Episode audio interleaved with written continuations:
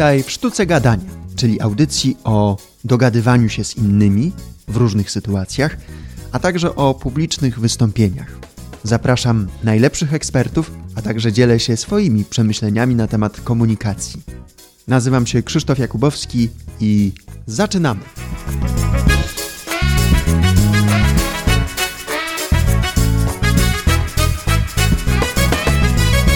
To jest audycja Sztuka Gadania. Jest mi ogromnie miło, że mogę przywitać Jarosława Łukomskiego. Dzień dobry, witaj. Dzień dobry, mnie też jest bardzo miło, witaj.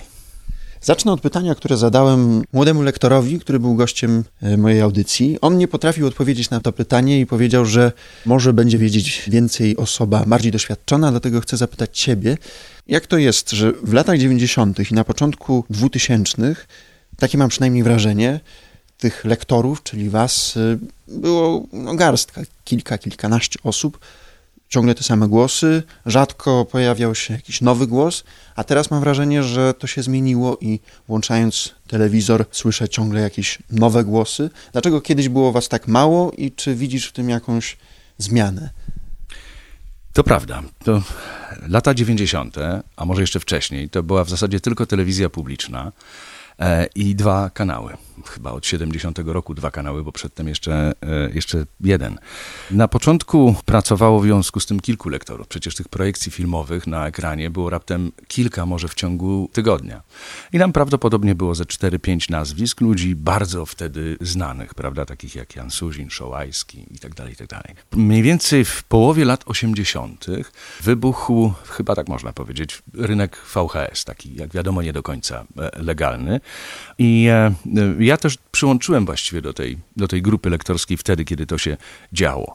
To się rozlało po kraju jak magma i rzeczywiście było bardzo duże zapotrzebowanie na osoby czytające. Wtedy posiłkowano się nowymi głosami, nowymi osobami, często nieprofesjonalnymi, tylko dopiero zdobywającymi jakieś swoje szlify. Ja myślę, że zaliczam się do tej grupy.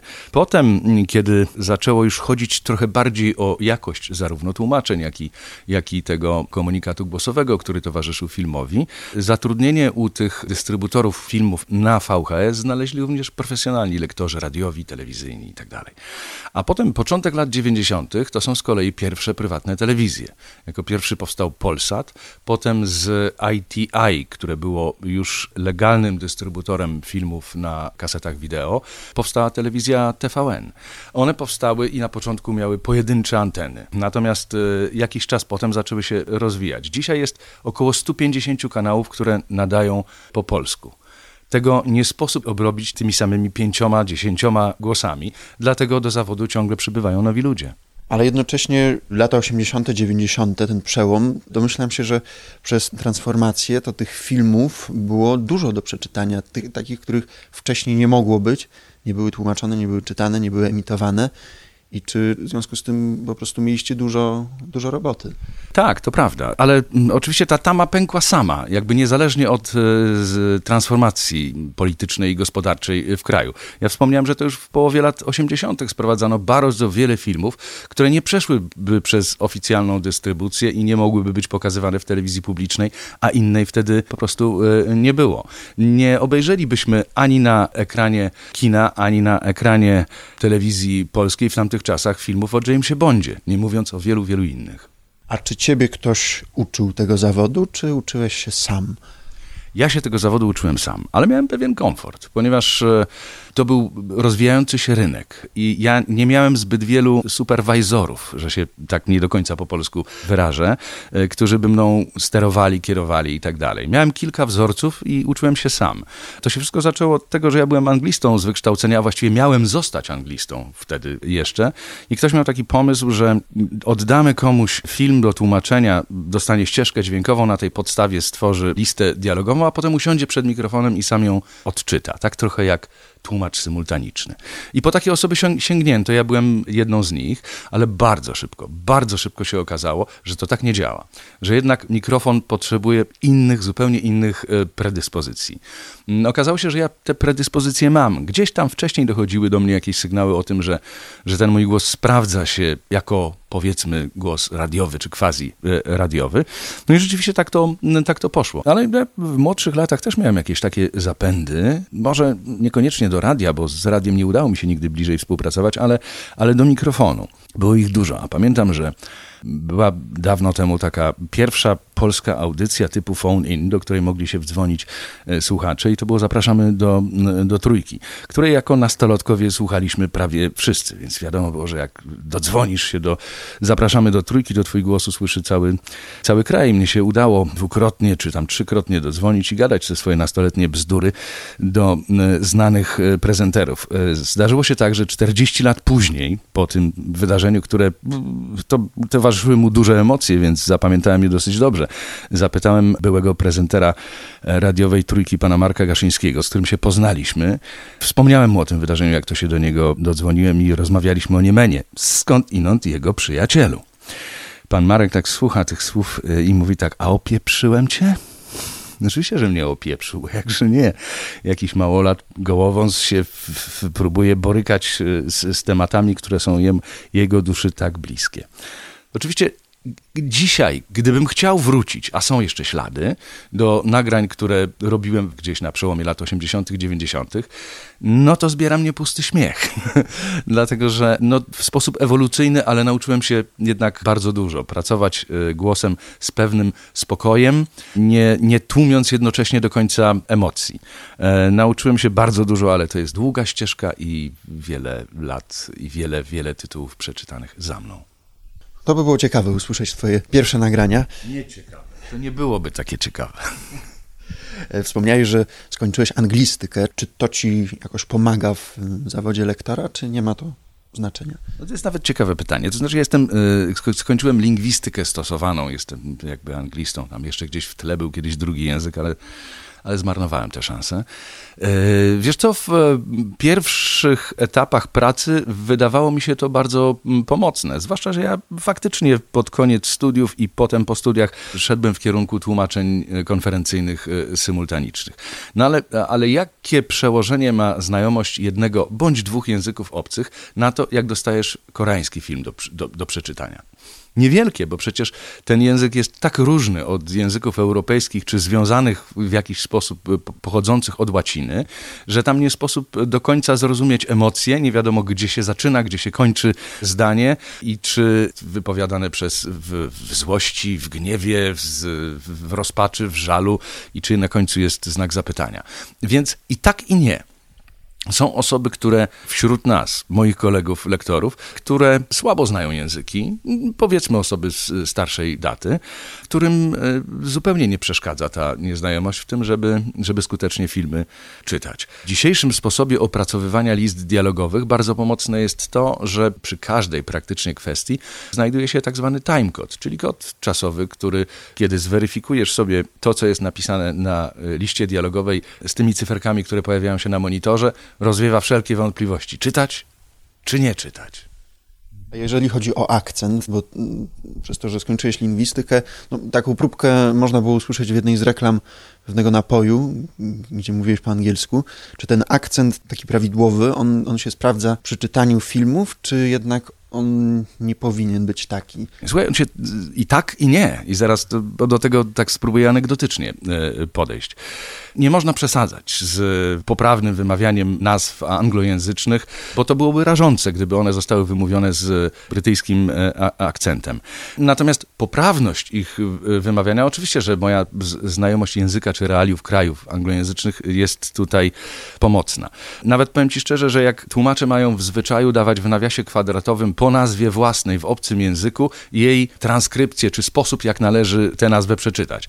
I ona dla oczu e, czasami jest ten nawias kwadratowy, zwłaszcza jeżeli to, co w nim napisane jest stosunkowo długie, to trochę psuje jak gdyby optykę i potrafi wytrącić e, z równowagi. Znam kolegów, którzy na przykład robią może nie dramatyczne, ale mikropauzy przed nazwami własnymi w obcych językach, bo to bardzo pomaga potem w montażu. Jeżeli zrobi taką e, mikropauzę po polskim słowie przed nazwą, to potem ewentualnie przy pomyłce dosyć łatwo będzie wejść w tym miejscu i już nie zastanawiać się nad tym, jak przeczytać całe zdanie, stresując się tym, co będzie na końcu, jakimś tam Puerto Rico, czy Orinoco, czy coś podobnego, ale po prostu je sobie samo, e, samodzielnie e, przeczytać. Różnie to bywa. Wspomniałeś o tej reklamie. Było tak. E, ja właściwie zostałem poproszony o nią, między innymi ze względu na jakby taki e, blisko natywnego akcent, którym potrafię to powiedzieć. Minęło kilka lat i okazało się, że ktoś tam gdzieś w, w tych układach ludzkich często coś się zmienia. I e, zmienił się ktoś w tym, w tym łańcuchu, jak gdyby odbiorców i zleceniodawców. I powiedział: Słuchaj, Jarku, a czy ty mógłbyś to tak bardziej po polsku powiedzieć? I ja się wtedy trochę żachnąłem. I powiedziałem, że nie, bo taka była koncepcja pierwotna, żeby to zabrzmiało tak, jakby to było, no, podkradzione, wzięte z, z oryginału. I, I, nie zgodziłem się tego zrobić w ten sposób, i bardzo szybko ta reklama trafiła do innego lektora. Wiem, że zawód lektora to nie jest jedyna Twoja działalność zawodowa. Czym się jeszcze zajmujesz oprócz czytania? Powiem Ci, że o innych moich zajęciach zawodowych, skądinąd bardzo ciekawych, należałoby teraz już mówić w czasie przeszłym. Tego było sporo i bardzo różnorodne to były e, zawody, ale od 12 lat zajmuję się tylko pracą z mikrofonem, e, przed mikrofonem. Oczywiście mówimy o bardzo różnych formach. Natomiast wspominałem w, poprzedniej części naszej rozmowy coś o latach 80., więc ja tak naprawdę to wszystko jest takie trochę poprzeplatane, bo ja faktycznie zacząłem pracę lektorską w latach, mniej więcej w połowie lat 80., ale ona na początku była właściwie moim hobby. I gdzieś, kiedy byłem asystentem na uniwersytecie, na wydziale, który skończyłem, miewałem takie chwile, że zapominałem odbierać pensję asystencką. Bo po prostu ona no, tonęła, jakby ginęła wśród tych e, innych pieniędzy, które spływały do mnie z tytułu a to tłumaczeń, które wykonywałem, a to zawodu lektorskiego tam przy tych VHS-ach, prawda? Potem przyszedł przełom 89-90 i ja trafiłem na długie lata do biznesu, ale Polsat nie zapomniał o mnie nigdy. I zawsze raz na dwa tygodnie, raz na e, miesiąc dostawałem jakieś e, zlecenie. A ponieważ przyklejony byłem do takich tytułów jak e, choćby Obcy czy, czy Szklana Pułapka, to po prostu nie, nie pozwolono o mnie światu zapomnieć. Dlatego powrót do tego zawodu po tym, jak zostałem wyrzucony z karuzeli biznesowej, korporacyjnej w roku 2008, był łatwiejszy. Skoro jesteśmy przy temacie korporacji, to jak ty wspominasz ten, ten czas bo do, do, mnie docierają różne sygnały, że świat korporacji no, bywa różny, niezbyt ciekawy. Jak ty to wspominasz? Z jednej strony to doskonałe mm, doświadczenie, bo nie ma, nie ma takich rzeczy w moim życiu, które by mnie jakoś nie ubogaciły. Z drugiej strony, ja pamiętam ostatnie e, lata, takie powiedzmy sobie 2004-2008, kiedy pracowałem na wysokim stanowisku w e, korporacji, akurat w grupie krajowej na najwyższym. I to były chwile wielkiego stresu i nacisku ze wszech stron. Zarówno od moich szefów, jak i ze strony pracowników niedopieszczonych, jak i klientów, dla których wszystko było było za drogo. To były, to były długie godziny pracy, krótkie godziny snu, pogorszony stan zdrowia, gorsze samopoczucie, stres, stres, stres. Ja jestem w tej, w tej chwili w niezwykle komfortowej sytuacji, wykonując ten zawód, który mam. Bo żartobliwie to ujmując, mógłbym powiedzieć, że moim jedynym stresem jest to, żeby się nie spóźnić na dziewiątą, czy dziesiątą, czy którąś tam do pracy. A to jest akurat łatwe. Więc e, nie, nawet, nawet castingi odbywają się nie tak jak w przypadku aktorów, gdzieś trochę poza mną, bo ja dostaję telefon i ktoś mnie się pyta, czy chce, żeby mój głos został wysłany na casting do czegoś tam, czegoś tam. I ja mówię, tak, będę w tym czasie, kiedy jest przewidziane nagranie dostępne i możecie, możecie wysłać. A potem dowiaduję się, częściej że nic z tego, rzadziej, że tak, choć y, mamy termin, mamy kontrakt, ale to się odbywa poza mną i nie, nie, nie wiąże się to z żadnym dodatkowym stresem. Nawet okrzepłszy już w tej chwili trochę w, mm, w zawodzie, nie mam stresu, kiedy mało rzeczy i tych projektów jest wpisane do kalendarza, bo wiem, że to, że to są fale, że to po prostu raz jest mniej, raz jest więcej. Wystarczy zadzwonić do kogoś, kto jest prawdopodobnie w podobnej sytuacji i powiedzieć, a u ciebie też tak dennie i szybko się pocieszyć, że może słońce zaświeci znowu. A pracując w korporacji nie tęskniłeś za tym zawodem wykonywanym intensywniej, żeby tylko się zajmować lektorowaniem? Mm, nie, bo szczerze mówiąc, wtedy wystarczał mi ten taki sporadyczny kontakt z tym zawodem, bo rozstać się z nim y, teraz z perspektywy czasu mogę powiedzieć, nie, chciał, nie chciałem nigdy. Natomiast nie, nie bardzo. I szczerze mówiąc, nawet wtedy chwaliłem sobie swoją sytuację zawodową, mówiąc nawet otwarcie do innych osób, że nie bardzo wyobrażam sobie siebie zamkniętego na 8-10 godzin dziennie w studiu e, lektorskim. Jeśli się czyta tylko filmy, to tak faktycznie może być. To są rzeczywiście długie godziny spędzane w ciemnych, e, klimatyzowanych pomieszczeniach e, ze sztucznym tylko światłem. Natomiast ja staram się sobie różnicować e, prace, które wykonuję i swoje portfolio. W związku z tym nie, nie, nie mam takiego problemu. Zauważyłem, że jest taki zwyczaj, że kiedy lektor zapraszany jest do jakiejś audycji, to zwykle prosi się go o przeczytanie tekstu, na ogół niezbyt poważnego i nie inaczej będzie w sztuce gadania, jeśli się zgodzisz, przeczytać ten taki fragmencik tekstu. No właśnie się zastanawiam, bo tu jakieś poważne zadanie przede mną postawiłeś faktycznie. To jest, e, to jest rapowanie było, nie było, więc to jest dosyć specyficzna, specyficzny układ, no ale spróbuję się z tym zmierzyć. Ktoś zadzwonił wczoraj i zaprosił mnie na melanż. Potem dzwonił drugi raz, a dzisiaj jeszcze raz. Nie odmawiam imprezek, lubię sobie przelać z buteleczki wódeczkę do kieliszka i siemasz. To była biba z wynajętym lokalem. Wychodzimy w sobotę, a wracamy w niedzielę. Musiałem tylko sprawdzić, czy doszedł ten przelew. Czyli w sumie wyszło na to, że miałem dwa cele. Raz, dwa, tak omijam szczegóły. Jestem już u góry, z całą świtą jaramy z rury. Wszystkie komórki są dziś bezpieczne, akcje z ich chwytaniem są tu niedorzeczne. To szklanej butelki rok jest tej. To rok szklanej butli. Polej. Ten, co wozi towar, czeka już na dole. Normalnie, czuje się dobrze, jak w starej szkole.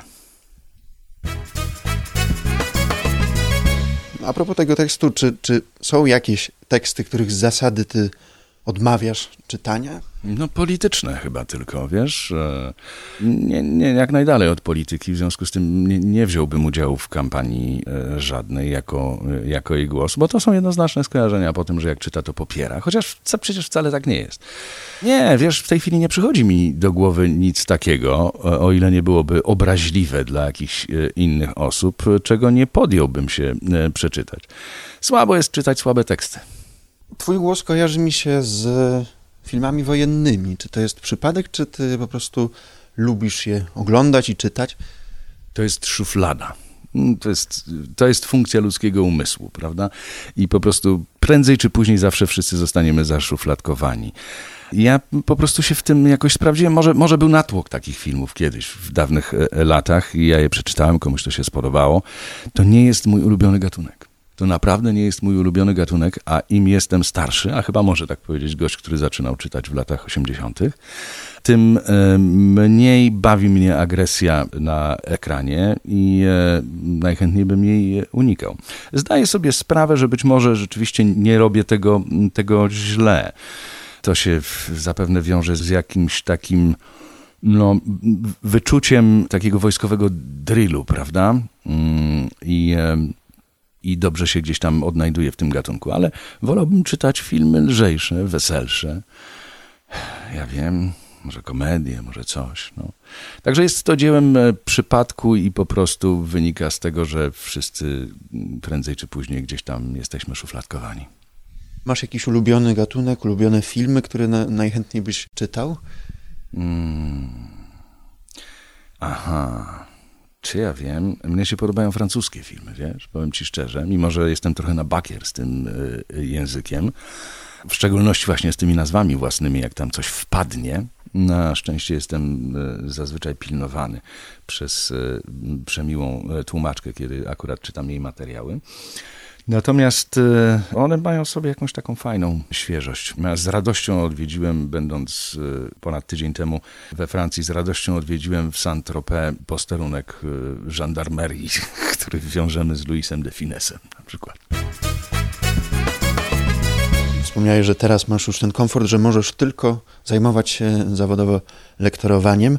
A co jest takiego w, w, tym zawodzie fajnego, pociągającego, że nadal w nim jesteś i chyba sprawia ci to e, radość. Słuchaj, są rzeczy, których nie da się tak łatwo opisać słowami. Ja, ja się w tym doskonale czuję, naprawdę. Doskonale się czuję. Czuję, że wykonuję e, zawód, który daje satysfakcję nie tylko mnie, ale wielu e, innym ludziom i że to, co robię, nie jest, nie, no nie jest beznadziejne. Nie zmagam się z materią, próbując żałośnie zarabiać pieniądze.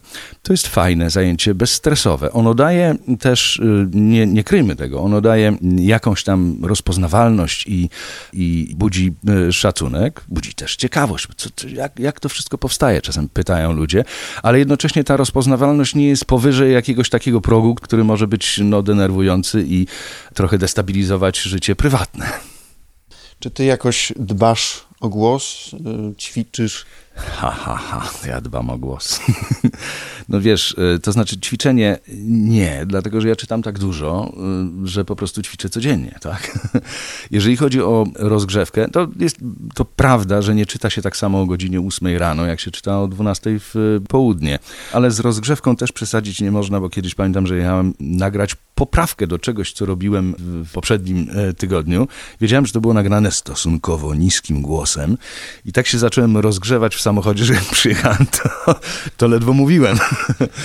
Więc e, nie, zdecydowanie nie. Jeśli chodzi o dbanie o głos, no to ja, mm, ja ogólnie dbam o, o siebie i swoje ciało, ale szczerze mówiąc, e, robię kilka rzeczy, które temu głosowi nadają jeszcze lepszej chrypki i e, jeszcze niższego, niższej, niższej barwy.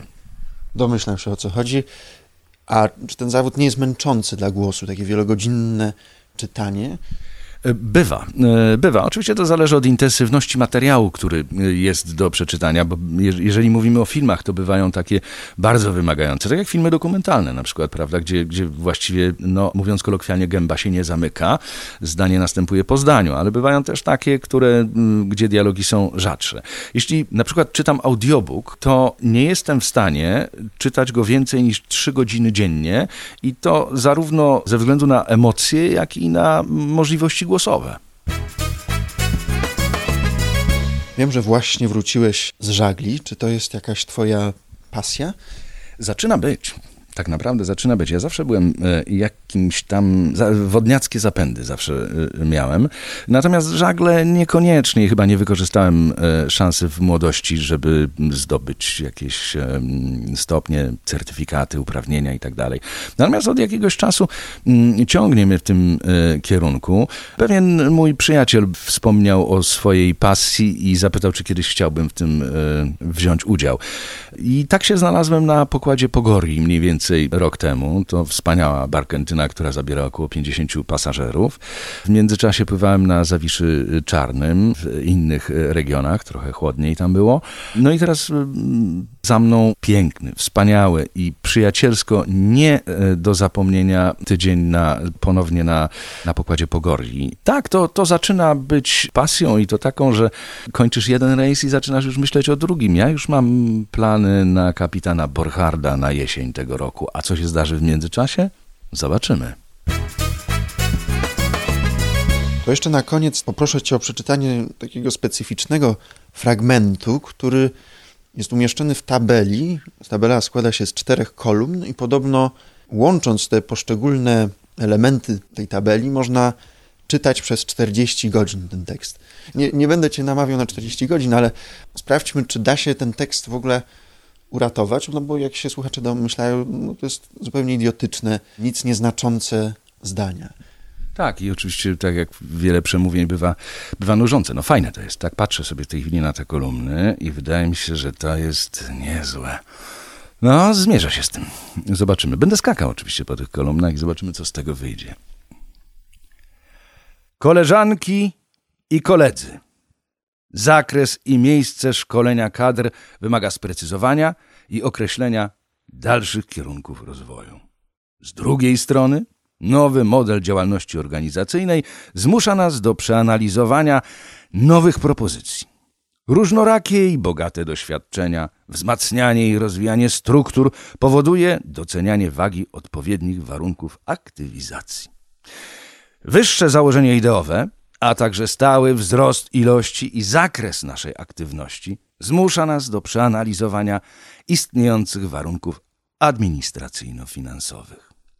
Wyższe założenia ideowe, a także aktualna sztuka organizacji, i tu się zaczynam powtarzać, konsultacja z szerokim aktywem pociągają za sobą proces wdrażania i unowocześnienia form oddziaływania. Starczy? Bardzo Ci dziękuję za przeczytanie tych y, fragmentów i za rozmowę. Było mi bardzo miło z Tobą rozmawiać. Dziękuję. Do usłyszenia, do zobaczenia. Ja też bardzo dziękuję za tę możliwość. Żegnam się z Tobą i ze słuchaczami. Cześć. No, dla mnie to niezwykłe spotkanie. Głos, który słucham przez prawie całe życie, kojarzy mi się z męskim, mocnym kinem akcji, a w dodatku Jarek Łukomski jest wspaniałym, sympatycznym rozmówcą. Fragment, który przeczytał Jarosław Łukomski, to Borikson, napiłbym się z tobą wódki dziś. Ciekaw jestem, jakie ty masz wspomnienia z głosem Jarka, z czym ci się kojarzy, z jakimi filmami. Podziel się tym w naszej facebookowej grupie podcast Sztuka Gadania, bo z tego co wiem, to już na temat tego gościa nawiązała się dyskusja, do której dołączenia zachęcam także Ciebie. Podcast Sztuka Gadania. Zapraszam Cię także do odwiedzenia Instagrama Sztuki Gadania, a także do wsparcia tej audycji w serwisie Patronite. Dzieląc się niewielkimi cegiełkami, bardzo mi pomożesz. Cieszę się z tego odcinka, cieszę się także, że słuchasz, ponieważ w najbliższym czasie będę miał dla Ciebie sporo niespodzianek. Do usłyszenia w tych poprzednich, jak i kolejnych odcinkach. Pozdrawiam Cię serdecznie. Do usłyszenia.